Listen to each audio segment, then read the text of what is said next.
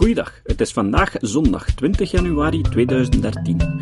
Ik ben Jozef van Giel en dit is de 150ste aflevering van deze podcast. Deze aflevering kwam tot stand mede dankzij Skep.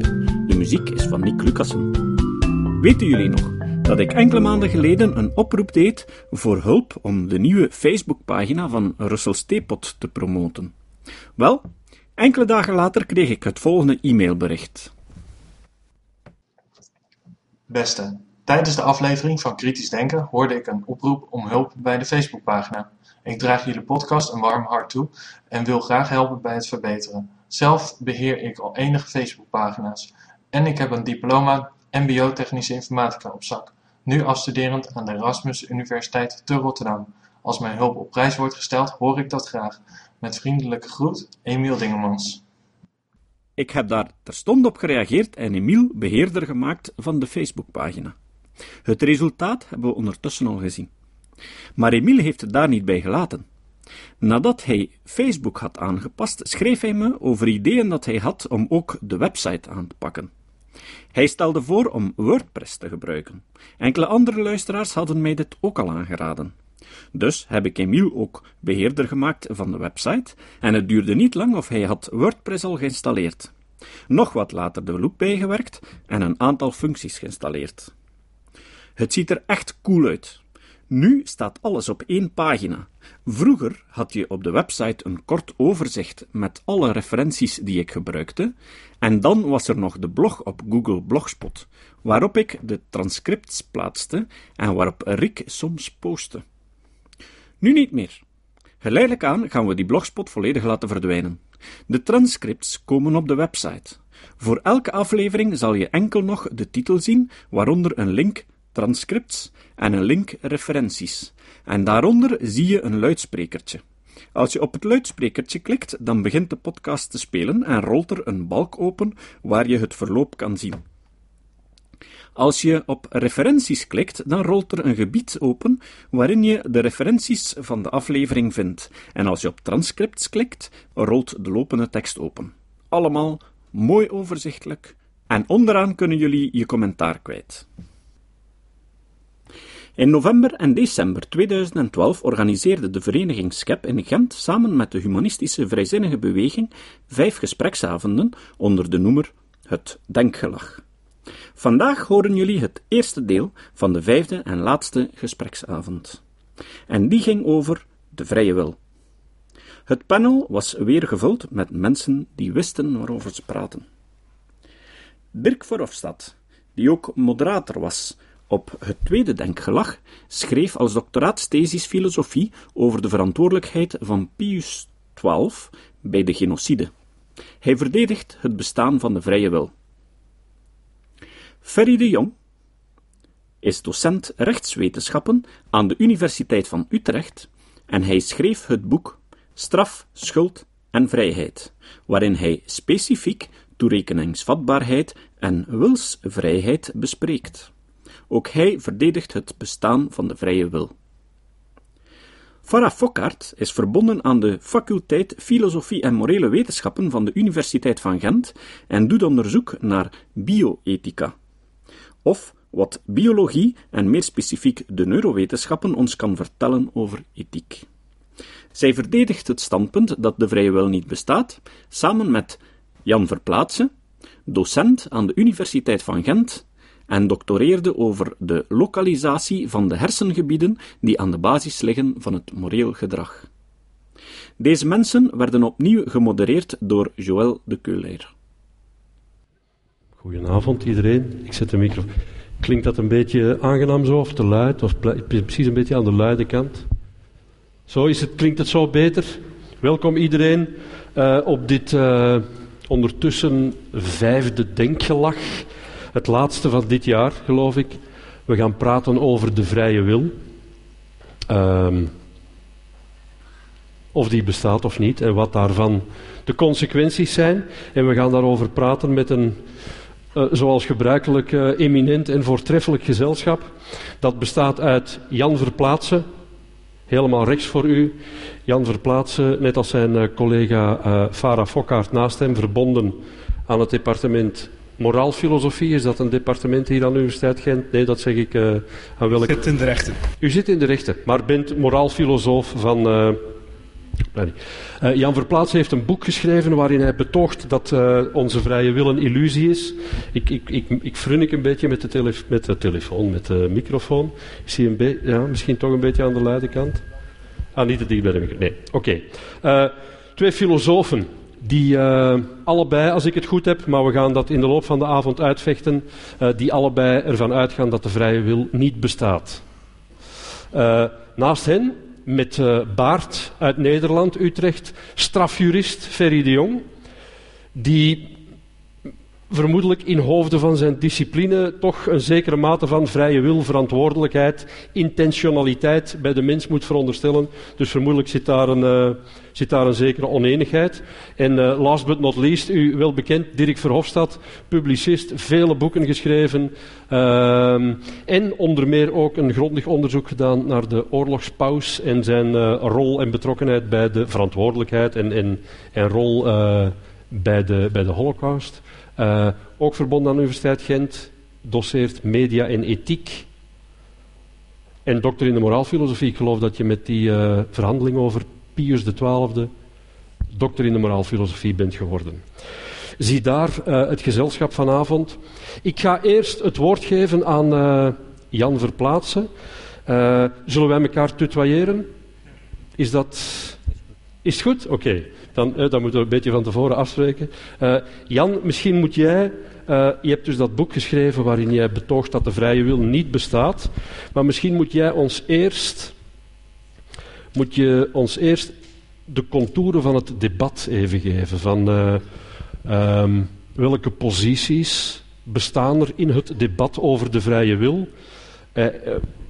zijn daar grote historische schokken in, in in gebeurt in dat debat en, en leeft dat nu op dit moment en wat zijn, uh, ja, wat zijn de belangrijkste posities, de bekendste vertegenwoordigers? Dat, dat is nogal veel. Dat moet in, in vijf minuten, dus dat zou je even, je zou het, het onderwerp even heel kort moeten kunnen zetten. Waar gaan we het over hebben? Wat, wat ligt er op tafel? Ja. Uh, goedenavond allemaal. Ik heb onmiddellijk een uh, flinke opdracht gekregen om uh, een beetje te schetsen waar het vanavond kan over gaan. Ik denk, um, een eerste twistpunt is over wat hebben wij het als we het over de vrije wil hebben. Kan iedereen mij trouwens begrijpen? Geen probleem. Misschien de micro iets dichter bij je mond. Ik denk dat de micro's uh, weinig gevoelig zijn, dat je ze dicht bij de mond moet houden. Wel, een eerste vraag die we misschien ons vanavond kunnen stellen is: waarover hebben wij het als we het over de vrije wil hebben? Is de vrije wil zoiets dat uh, heel goed gelijkt op uh, wilscontrole, op uh, zelfcontrole. Iets waar de meeste mensen niet echt denk, veel problemen over maken. Ik denk dat iedereen die hier vanavond zit wel over voldoende zelfcontrole beschikt om zich naar deze locatie bijvoorbeeld te begeven. Dus dat is een een eerste vraag van vrije wil. Over wat gaat het? Gaat het over iets dat heel goed gelijkt op een psychisch vermogen waar iedereen over beschikt? Of is het toch iets anders? Is het iets dat meer is dan gewoon zelfcontrole of uh, de mogelijkheid om uw wil te controleren? Is het iets wat, wat gelijkt op wat men vroeger dacht? En dat is al een historische allusie op bijvoorbeeld de geest, de ziel, het zelf dat in staat is om los van jouw zelfcontrole ook nog eens extra iets te gaan controleren. Dat lijkt mij een eerste vraag te zijn over wat hebben wij het vanavond als we over de vrije wil spreken. Hebben we het over iets dat eigenlijk heel gewoon is, waar heel weinig discussie over is, bewustzijn, zelfcontrole, of hebben we het ook over iets dat een beetje specialer is en dat in het verleden werd gedacht dat zeker bestond, de ziel, de geest, dat soort van zaken. Is een eerste vraag. Een tweede vraag lijkt mij te zijn: hebben we zo een vrij wil nodig om verantwoordelijk te zijn? Uh, kunnen wij nog wel verantwoordelijk zijn mochten wij geen vrij wil hebben?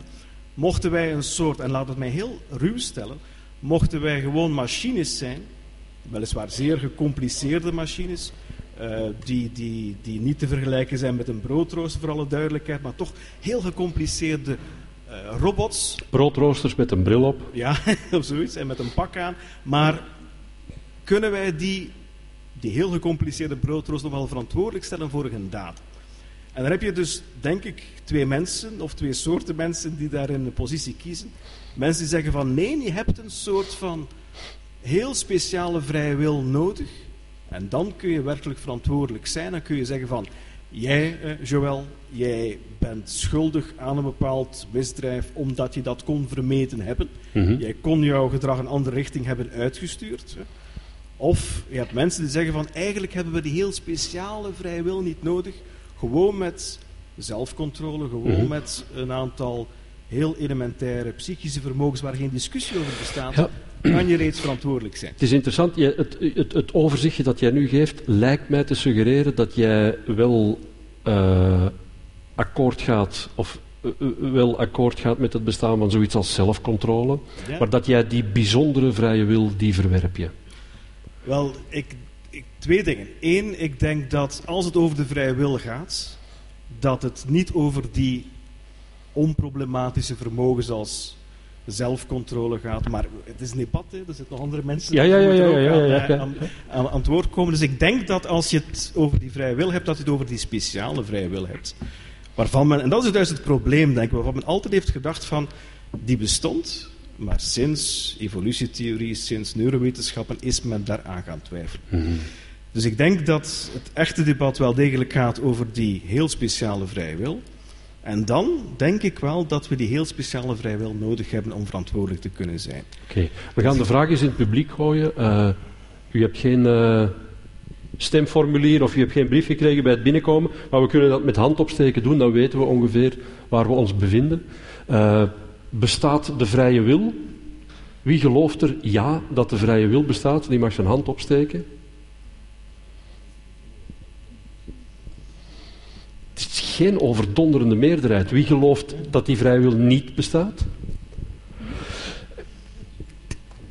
Op het randje 50-50, iets meer mensen geloven dat de vrije wil niet bestaat, heb ik de indruk hier in de zaal. hè. Iets meer mensen geloven dat die niet bestaat. Ehm, ja, ja, Maar Joël, stel eens een extra vraag erbij. wel. Ja, oké. Wel, die komt nu. Hè. Is morele verantwoordelijkheid mogelijk zonder vrije wil?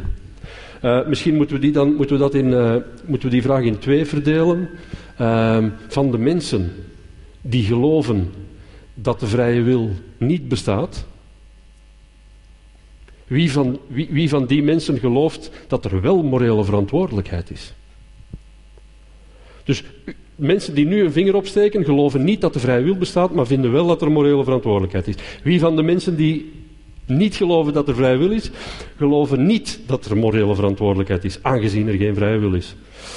Dat is een minderheid. Dus, eh, eh, even samenvattend, de meerderheid in deze zaal, kleine meerderheid in deze zaal, gelooft niet in het bestaan van de vrije wil.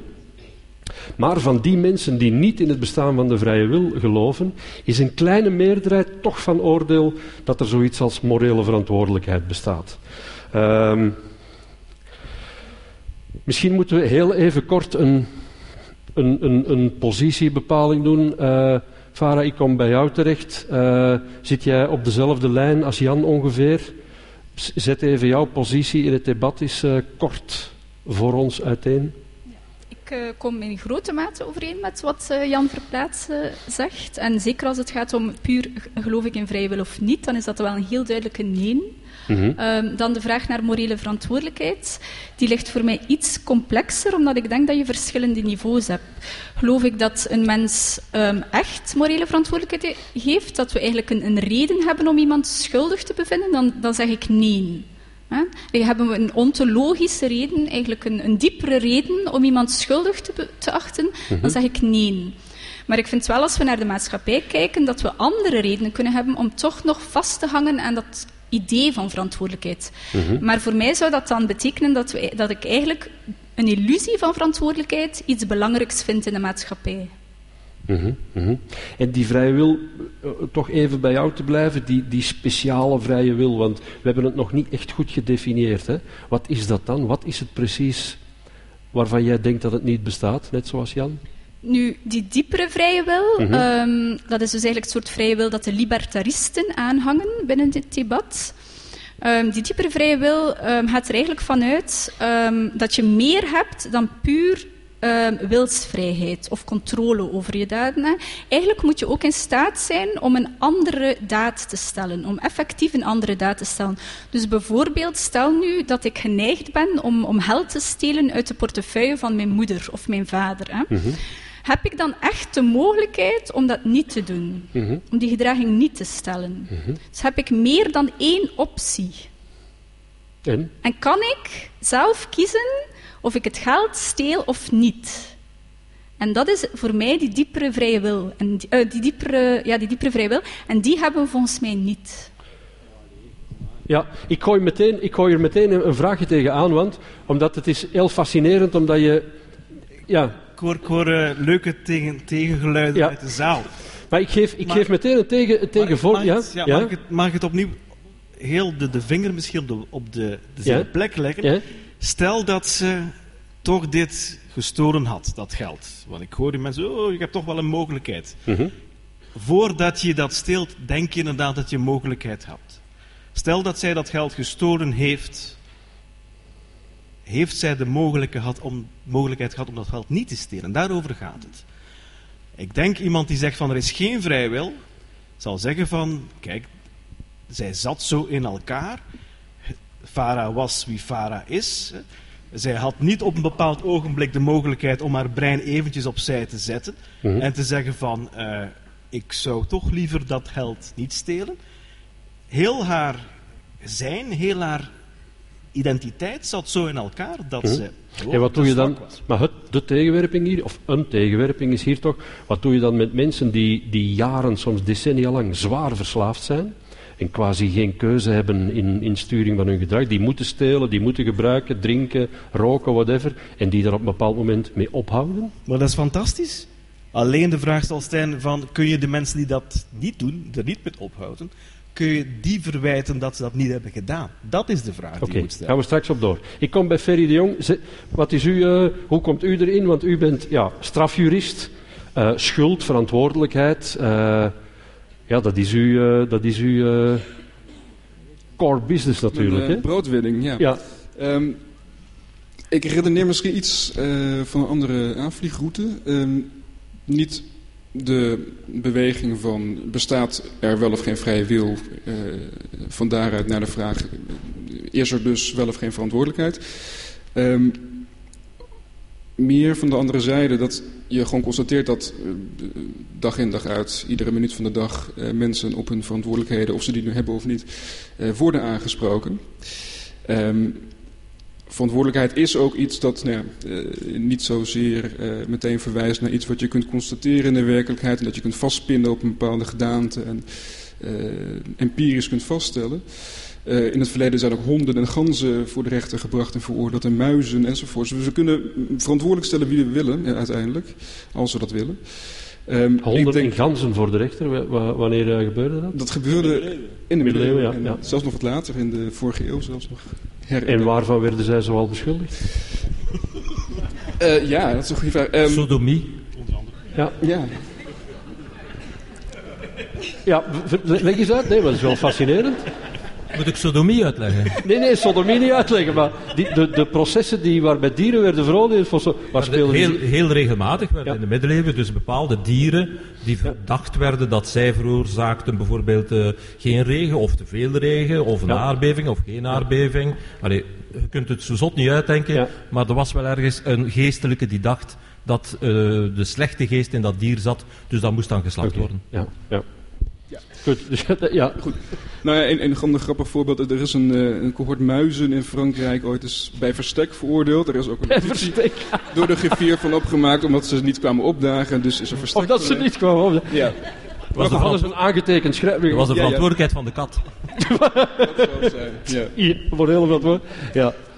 Maar in ieder geval, dat ehm, eh, verantwoordelijk stellen doen we aan de lopende band. En dan kunnen we natuurlijk ons afvragen, is dat eh, moreel legitimeerbaar in het licht van eh, nieuwe inzichten, bijvoorbeeld uit de neurowetenschappen, dat er geen keuzemogelijkheid zou bestaan. Ehm, en waarschijnlijk geen mogelijkheid, of misschien geen mogelijkheid is voor mensen om anders te handelen dan ze in feite doen. Mhm. Ehm, maar ik heb wel eens het idee, en dat is op dat punt heb ik denk ik een wat andere invulling uh, aan die concepten dan, dan de eerder uh, geboden invulling. Um, ik heb wel het idee dat dat concept wilsvrijheid, maar dan in de, in de diepere zin, dus de vrije wil, wat um, wordt opgeblazen, al te zwaar wordt beladen, um, als, om te dienen als voorwaarde voor verantwoordelijkheid. Ik denk dat om te kunnen spreken van verantwoordelijkheid, en dus ook om mensen aan te spreken op hun gedrag en daar consequenties aan te verbinden, um, heel wat minder, of met minder genoegen kan en ook wordt genomen dan wat er zoal in dat begrip verantwoordelijkheid gelegd wordt. Uh, mm -hmm. Door bijvoorbeeld ook neurowetenschappers die betogen dat die vrije wil niet bestaat. Mm -hmm. Um, die, die jagen volgens mij soms op, op, op spoken die... Het is een nou, beetje een weinig relevante, filo hoogfilosofische discussie. Wel, ja. Ja, ja, ja, ja. Ik ga even uh, naar Dirk. Uh, hoe kom jij op het onderwerp uh, binnen? Omdat Waar... ze mij uitgenodigd hebben. Ja, maar, maar wat, is, wat, wat, is jouw invalshoek op nee, het Mijn onderwerp? standpunt is dat de vrije wil wel degelijk bestaat. Ja. Um, nu, ik heb daar de voorbije dagen nogal wat over gelezen. Om, dat is nu niet echt mijn specialiteit, maar ik wist dat dit debat er ging aankomen. Goed, ik denk dat er twee soorten van um, acties zijn die kunnen gebeuren. Namelijk lange termijn uh, acties of korte termijn acties. Ik denk dat op het vlak van de lange termijn acties men weinig uh, discussie zal hebben, dat men daar wel degelijk keuzes heeft. Ik denk maar aan bijvoorbeeld mensen die aan het sparen zijn om bijvoorbeeld later een woning te kunnen kopen. Of mensen die op een bepaald ogenblik tegen elkaar zeggen, laten we misschien trouwen. We doen dat morgen wel niet, want het is slecht weer, maar laten we dat dan in de zomer doen. Dat zijn doelbewuste keuzes waar de vrije wil natuurlijk volledig speelt. Tenzij natuurlijk uh, we zouden komen in gevallen van gedwongen huwelijken en dergelijke meer. Mm -hmm. Die wil ik nu natuurlijk even buiten beschouwing laten. Dus het is niet zo dat als ik zeg de vrije wil bestaat, dat iedereen ook van die vrije wil kan gebruik maken. Hè? Dus mm -hmm. laat mij, maar laat mij dat opzij schuiven, want anders hebben we natuurlijk gedurende uren nog een andere uh, discussie. Ten tweede heb je de korte termijn uh, beslissingen. Er zijn heel wat uh, korte termijn beslissingen die moeten genomen worden. En ik herken dat er natuurlijk daartussen, laten we maar zeggen, een soort van impuls uh, beslissingen uh, er zijn. Bijvoorbeeld, binnenkort is het uh, kerstdag. We gaan allemaal cadeautjes gaan kopen. Ik kan me indenken dat er hier en daar wel een aantal mensen tussen zitten die zeggen, voilà, ik weet het niet. En plots, ja, door het zien van een reclame, door het horen van iets of ja, een impulsaankoop doen, waarbij eigenlijk ze niet echt dat wilden kopen, maar goed, ze hebben het uiteindelijk dan toch gedaan. Maar ik ben ervan overtuigd, en daar wil ik uh, graag mee in discussie gaan, dat veel van die korte termijn uh, beslissingen toch ook vrijwillig zijn genomen. Vaak zijn die misschien onbewust genomen, maar achter dat onbewuste zit een volledig levensbeeld van, van die persoon, door zijn opvoeding, door opleiding, door wat hij gehoord heeft en geleerd heeft, en zal hij dus op een bepaalde manier handelen. Om het heel uh, aanschouwelijk te maken. Stel u voor dat je aan het autorijden bent naar een bepaalde plaats, dan zijt je op een bepaald ogenblik zelfs niet echt goed meer bewust dat je aan het rijden bent. Je weet wel dat je aan het rijden bent, maar je bent niet 100% echt aan het opletten van uh, is mijn hand wel hier, is mijn, mijn voet wel daar en dergelijke meer. En toch, en toch, je zou kunnen zeggen, ja, als uh, iedereen dat een beetje onbewust doet, ja, dan heb je niet anders dan chaos en problemen. En toch stellen we vast dat van zodra er iemand voor u remt, dat je ook begint te remmen, de volgende begint te remmen en dergelijke meer. Dus ik zou dat als, al, als tegenwerping al willen uh, gooien naar al diegenen die zeggen er gebeuren zoveel accidenten op de baan. Zeg ik altijd, er gebeuren er zo weinig. Als je ziet hoeveel miljoenen en miljoenen bewegingen er elke dag gebeuren. En hoe komt dat? Dat komt omdat natuurlijk men misschien op dat een bepaald uh, moment en men moet remmen niet 100% bewust is dat men aan het remmen is, maar men is zodanig opgevoed, men weet dat als men het niet zal doen, dat dat nare gevolgen zal hebben, dat men het uiteindelijk toch doet. Dus uh -huh. dat is eigenlijk mijn, mijn uh, visie. Mijn visie is dus eigenlijk in een paar woorden samen te vatten als volgt. De vrije wil bestaat, wat niet wegneemt dat er natuurlijk mensen zijn die in omstandigheden leven of bijvoorbeeld heel jong zijn, baby of uh, dement zijn of, uh, uh, of mentaal een probleem hebben en dergelijke meer. Maar die buiten beschouwing gelaten, denk ik dat de mensen, de meeste mensen, ja. beschikken over een vrije wil. Je zegt daar iets, meteen iets heel interessants, dan kom ik terug bij Jan. Is vrije wil, zoals jij dat zegt, die heel speciale vrij, vrije wil, gaat, het over de, gaat de discussie over de vraag of wij onze beslissingen bewust nemen, dan wel Ja, Of wij onbewust aangestuurd worden. Hè? Dat zit een beetje in die uitleg van, van Dirk. Het verschil Wel, is, is het stel, bewust, dat Dirk, onbewust? stel dat Dirk gelijk zou hebben, dan vraag je je af waarom zijn we al 2000 jaar over aan het discussiëren daarover. Omdat Daar filosofen geen- ook aan de niemand, kost moeten niemand komen. ont- niemand ontkent dat mensen heel complexe beslissingen kunnen nemen.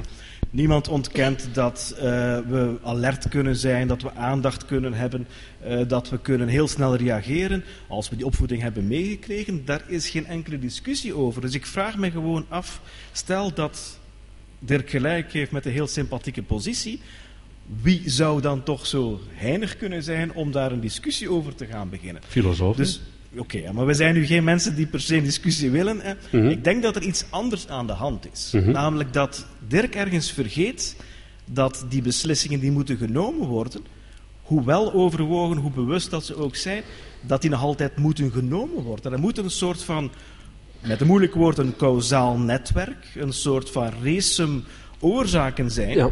die jou alert maken erop. En die kunnen perfect, met een moeilijk woord weer, deterministisch werken. Dus altijd gewoon hetzelfde effect kunnen hebben. En dan vraag ik me af van, stel eens dat je een persoon hebt die altijd geconfronteerd met dezelfde, weliswaar heel complexe oorzaken, altijd het gevoel heeft dat hij vrij kan beslissen, maar altijd dezelfde beslissing neemt, ga jij die persoon vrij achten? Ik zou gewoon zeggen van die zal het gevoel hebben dat hij vrij is, die zal de impressie hebben dat hij vrij is, maar ik ga niet, aangezien dat hij zijn gedrag toch niet kan wijzigen, zal ik niet die idee hebben dat hij werkelijk iemand is die over een vrije wil gaat beschikken. Maar wie zegt dat hij niet eh, van gedrag kan veranderen? Maar dat, die wijziging van gedrag, ben ik het opnieuw mee eens, maar die wijziging van gedrag wordt weer gestuurd door allerlei oorzaken die die wijziging nodig hebben om, om tot stand te komen. En je vergeet denk ik gewoon te kijken naar al die oorzaakjes, die opvoeding, die e- omgevingsinvloeden, eh, het licht in de zaal, die allerlei soorten invloeden die het mogelijk maken om ander gedrag en meer gevarieerd gedrag te gaan stellen. Maar ze zijn nog altijd aanwezig. Maar de vraag is, is anders formuleren. De, de, de, de, de vraag is dan eigenlijk... Is het denkbaar als we teruggaan in de tijd? X honderdduizend miljard jaren. Is het denkbaar dat, dat wij hier niet zitten op, eh, Ja. op dit moment in de tijd? Als we honderd jaar teruggaan en, we- en, we- en, we, en we, we duwen opnieuw op start, is er dan een geschiedenisontwikkeling denkbaar waarin wij hier niet zitten, maar waarin Jan Verplaatsen Ja, maar- eh, eh, bakker is geworden en, en, en ik loodgieter? Is dat denkbaar? Ik denk dat is, dat is denkbaar. Alleen lijkt mij een beetje de vraag nog simpel te zijn. Van hoe gaat Dirk verklaren dat iemand een andere beslissing neemt, terwijl dat jij met datzelfde brein die beslissing moet gaan nemen? Ik ga het u geven aan de hand van een voorbeeld. Er is een heel interessant boek verschenen, eh, het boek der vaders van Miklos Famos. Die, eh, of dat gekend, het is een eh, geschiedenis van tien generaties, waarbij dus elke keer een boek wordt doorgegeven van de vader aan de zoon. Ik ga nu zeggen, met wat verhaal komt hij nu af? Het speciale is dat in dat boek op een bepaald ogenblik, ik weet nu niet de vierde, vijfde generatie, een, een van die zonen verliefd wordt op een Joods meisje. En hij gaat naar de pastoor en hij zegt, voilà, we zijn verliefd, we zouden willen trouwen, maar die pastoor zegt, dat gaat niet, Joods meisje, dat gaat dus niet. Hè.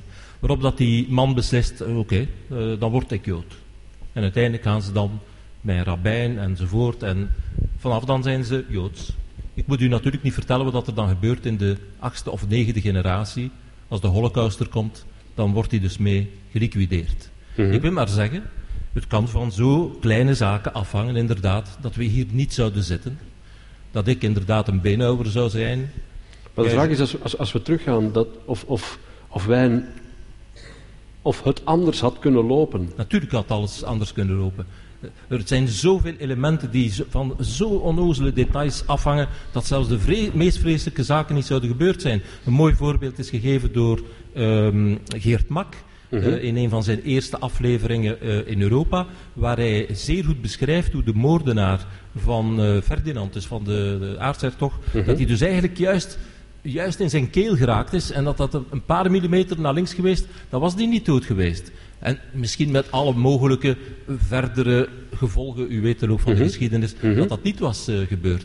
Dus het hangt van zo eh, zaken af natuurlijk. Is dat zo? Want zitten we nog... Want ja, ik, ik probeer Wel, nog altijd ja, het, onderwerp weet- scherp te stellen. Ik weet waar je op doelt, eh, dat we een discussie beginnen over hele moeilijke filosofische begrippen als determinisme, indeterminisme. Maar ik hou het eventjes af, omdat Dirk probeert een, een soort van pleidooi te houden dat het toch zeer intuïtief is. Ons gevoel van vrijheid, van vrije wil. En kijk eens naar de geschiedenis, die kon er compleet anders hebben uitgezien. Ik zou ook eens een pleidooi willen geven voor het intuïtieve idee dat we helemaal geen vrije wil hebben. Hoe vaak zeggen wij niet als er iets misgaat van, en als we het goed begrijpen, en als we gaan inzoomen op er wat er werkelijk zich heeft afgespeeld, van het kon niet anders dan zo gelopen hebben. Het zat zo in elkaar. Die persoon, eh, het spijt me maar, die persoon, mocht hij anders hebben gehandeld, dan was dat die persoon niet meer. Het zat gewoon in het baasje zelf om op die manier te gaan handelen. Mhm. Dus ik denk, je kunt evengoed een intuïtieve verdediging houden van het begrip van vrije wil bestaat niet, als het bestaat wel. Ik denk dat we ergens moeten dieper gaan zoeken van, van welke filosofische argumenten heb je daarvoor. Mhm. En oké, dan, dan zit je waarschijnlijk wel met die heel moeilijke begrippen als determinisme en indeterminisme. Maar zo moeilijk begrip, dat, dat kun je nu wel uitleggen. Determinisme, van ja, we gaan ervan uit dat de natuur op een deterministische manier in elkaar zit. En dat dus als er een keten van oorzaken in gang wordt gezet, ja, het ene leidt tot het andere en dat kan geen andere kant uit. En dus van bij de oerknal tot nu was Als- alles. als- ja. Klopt dat? Kun je, is dat een eh, wereldbeeld dat wij mogen hebben? Het is een, wereldbeeld dat mogelijk is, hè? maar ehm, voor zover tot nu toe zegt de wetenschap ons eigenlijk dat er indeterminisme is Mhm. ehm, wanneer je op atomair, dus op heel kleine schaal gaat kijken, Eh, maar wanneer je op, op een hogere schaal gaat kijken, op een soort macroniveau, ehm, naar menselijke handelingen bijvoorbeeld en menselijk eh, denken. En dus bijvoorbeeld van, als je denkt van ik wil dat geld stelen, nou, als, we, als we naar dat niveau gaan kijken, dan ehm, hebben we eigenlijk nog geen, geen sluitend antwoord van werkt de wereld deterministisch of indeterministisch. Dus we weten dat nog niet. Nu, de wetenschap stuurt heel hard in de richting van determinisme op dat niveau. Dus eigenlijk ehm, de beste, het beste bewijs dat we nu hebben, stuurt heel hard in de richting van determinisme. Maar dat is uiteraard geen sluitend bewijs. Ehm, en dat kan eigenlijk in principe ook nooit echt sluitend bewijs zijn. Hè. Dus ehm, determinisme of indeterminisme kan eigenlijk op dat niveau, maar, maar de vraag is dan, heeft dat ons vrije wil? Mhm. Nu, maar voor mij denk ik, een van de, van de belangrijkere dingen die verschillend is met wat Dirk zegt, is dat wat Dirk vrije wil noemt, is een soort wilsvrijheid in mijn ogen. En een soort vrijheid, dat één individu eigenlijk verschillende ehm, niveaus van vrijheid in zijn leven heeft. Verschillende gradaties van vrijheid. En eigenlijk het idee van als een, als een mens gestuurd is door bijvoorbeeld externe dwang, hè, iemand gooit een revolver tegen je hoofd en zegt je van je moet dat geld stelen, hè, dan ben je uiteraard niet vrij. Je hebt ja, veel minder gradatie van vrijheid dan iemand die die revolver niet tegen zijn hoofd krijgt. En ik denk dat hij ook spreekt over een soort daarbovenop, boven die externe dwang, over interne dwang. Bijvoorbeeld mensen die gestuurd worden door een psychose. Dat is een vorm van interne dwang die ervoor zorgt dat je minder vrijheid hebt. Maar in mijn ogen spreekt Dirk meer over vrijheid. En eigenlijk niet over vrije wil. Wat is het verschil? Het verschil tussen vrijheid en vrije wil. Dat, wa- wa- Het verschil tussen vrijheid en vrije wil is dat het, ehm, het, de vrije wil gaat over dat diepere idee, vanuit mijn standpunt. maar welk dieper idee? Ik, ik ben nog niet... Ja, dus wat, wat Dirk Dat moet, je moet eigenlijk... dat een beetje wat- ja, ja. preciseren. Ja, Dat- Wat Dirk uitlegt, volgens mij, is een, een, dat de mens in staat is om te handelen, en dus om een beslissing te maken in overeenstemming met zijn verlangens, in overeenstemming met zijn ehm, beliefs, met, met wat jij gelooft, met wat jij wil, met wat jij zich voorop stelt. Hè? Dus ik wil een huis kopen, ik wil sparen, dus ik handel in overeen, ik ben in staat om te handelen in overeenstemming met mijn verlangens. Hè? Niemand houdt mij tegen met een revolver op mijn hoofd om mijn geld niet te gaan op een spaarboekje plaatsen. Hè? Of mijn geld wordt niet afgenomen. maar dat is Eh, geen vrije wil. Dat, dat, dat is meer of minder vrijheid in mijn ogen. In staat zijn om een gedrag te stellen dat in overeenstemming is met uw persoonlijkheid, in overeenstemming met uw verlangens, in overeenstemming met uw beslissingsprocessen. Dat is voor Wat mij is dan vrijheid. vrije wil? Dat je ook in staat was om anders te handelen. Ja, maar eh, mag ik een voorbeeld geven om het heel eh, eenvoudig te maken? Want eh, er wordt een beetje met woorden gespeeld. Door dat, altijd naar dat diepere. Want dat diepere moet je mij ook In nog... staat zijn om anders te handelen. Ah, wel ja, je moet dus in staat ook kunnen zijn om anders te handelen. Dat zijn trouwens de, de twee elementen van de definitie van een vrije wil. De eerste is, je moet verschillende keuzemogelijkheden hebben. En ten tweede, als je een keuze maakt, dan moet die gebeurd zijn zonder dwang. Dat je die zelf vrijwillig neemt. Ik ga u één voorbeeld geven en tracht mij maar aan te tonen dat dat niets te maken heeft met de vrije wil. Zelfs in Nazi-Duitsland, waar je dus een onvoorstelbare terreur had, waar je een onvoorstelbare druk had op de bevolking, waren er mensen in staat om zich tegen Hitler te keren uit vrije wil, in overeenstemming met hun opvoeding, met hun geweten. En ik geef het voorbeeld van de... Omdat ze nu die- eenmaal zo die in elkaar Dat Zoals die Weisse Rozen, zoals Hans en Sophie Skoll, die Ja. doelbewust hebben gezegd, ik kies die richting, niet omdat het een gemakkelijke richting was, niet Ja. omdat, want de dwang ging juist in de andere richting uit, en toch zijn ze daar tegenin gegaan. Dat is een voorbeeld van vrije wil. is Maar de- is dat een, ja? Is dat een voorbeeld van... Dat lijkt mij geen voorbeeld van wil. Dat wou ik nu net... Ik ben mijn klein exposé begonnen met... Er zijn verschillende definities van vrije wil. Mhm. En dat is een definitie die Dirk geeft. Maar definieer jij de jouwe? Is, is, is... Wel, ik denk dat je een stukje... Een stukje...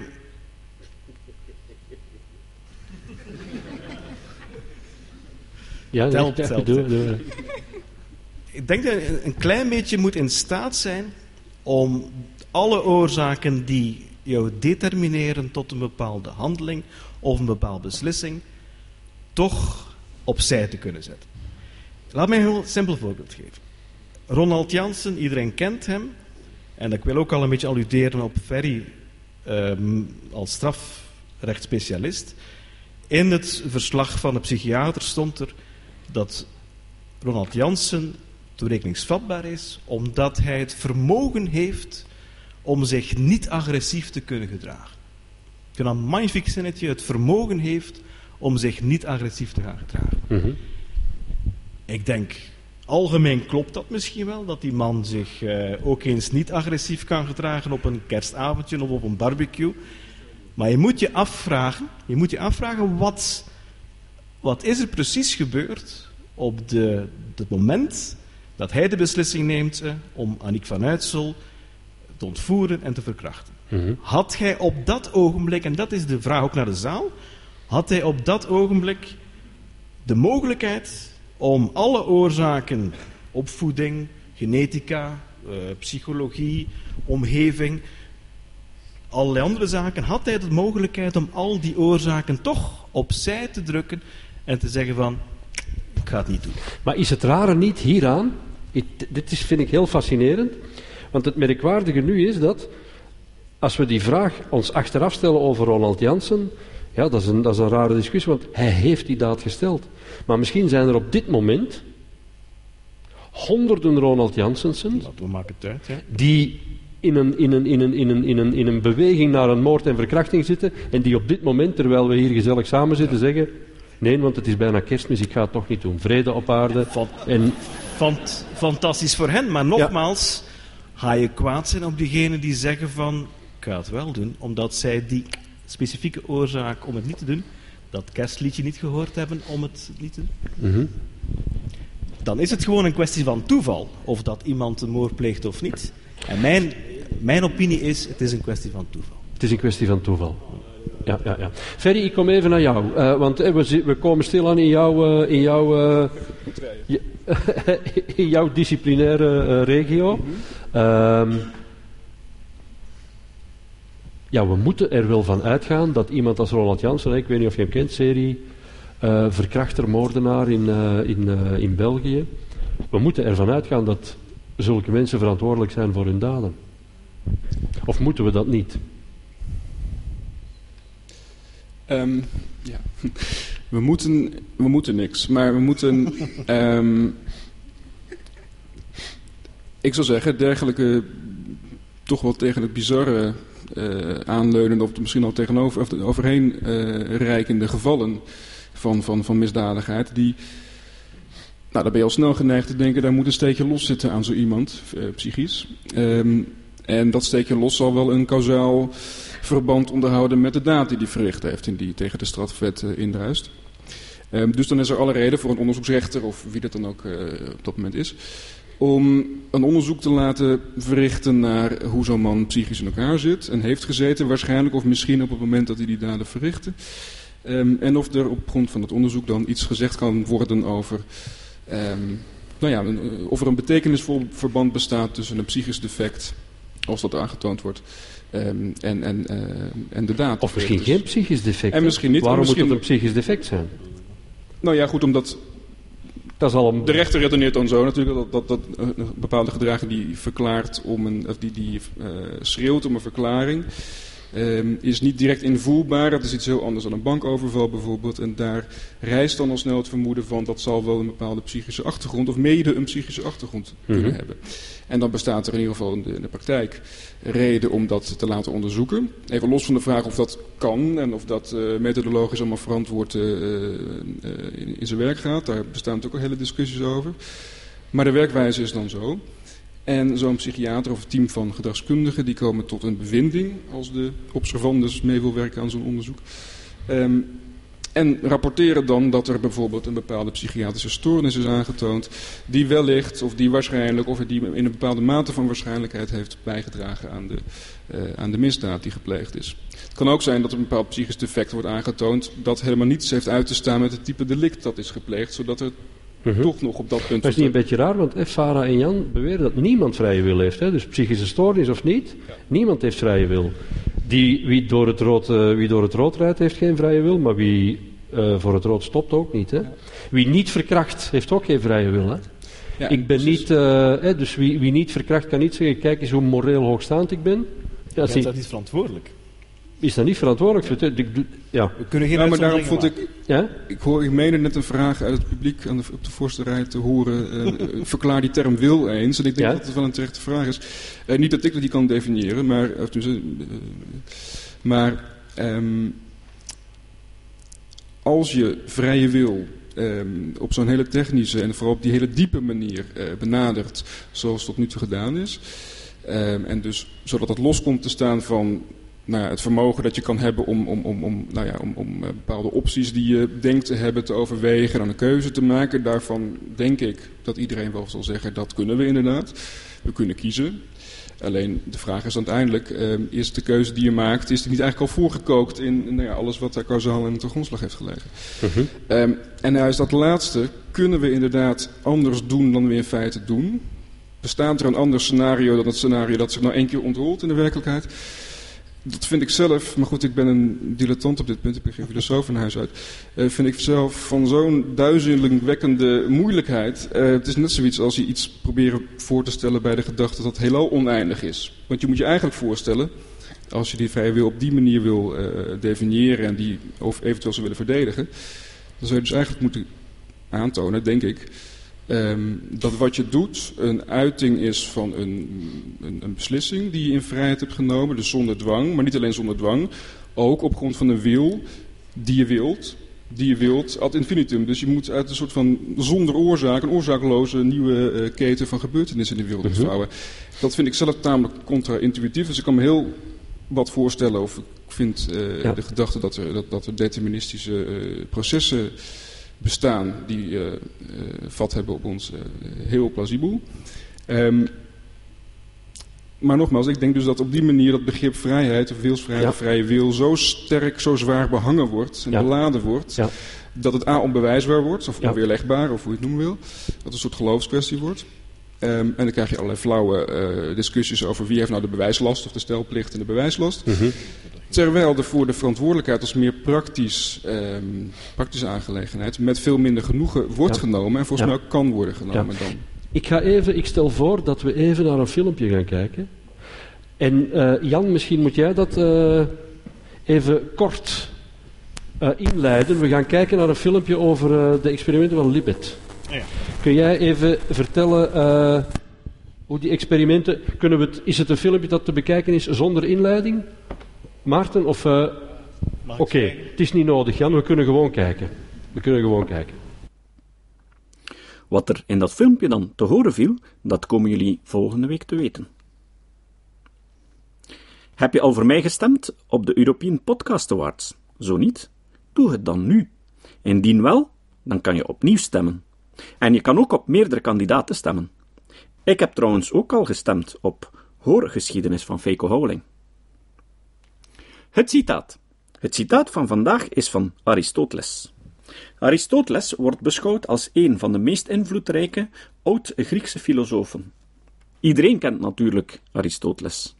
Maar wat velen waarschijnlijk niet wisten, is dat hij ook de leraar van Alexander de Grote was. Aristoteles zei: Het goede is een gemiddelde dat tussen twee slechte instaat, die van overmaat en die van tekort. Moed bijvoorbeeld is het gemiddelde tussen overmaat aan onbezonnenheid en het tekort aan lafheid. Barmhartigheid is het gemiddelde tussen de overmaat aan wraakzucht en het tekort aan overgave. Tot de volgende keer. Dit was de podcast Kritisch Denken. Vergeet niet om alles kritisch te behandelen, ook deze podcast. Voor verdere informatie over deze podcast, links en voor de tekst, surf naar www.kritischdenken.info. Als je deze podcast belangrijk vindt, kun je me steunen door anderen warm te maken ook eens te luisteren. Stuur een e-mail naar vrienden met een link naar de website en plaats de link in de handtekening van je e-mails. Tevens kun je op iTunes deze podcast een beoordeling geven of een recensie schrijven. Of je kan op je eigen website of blog een link naar kritisch denken plaatsen.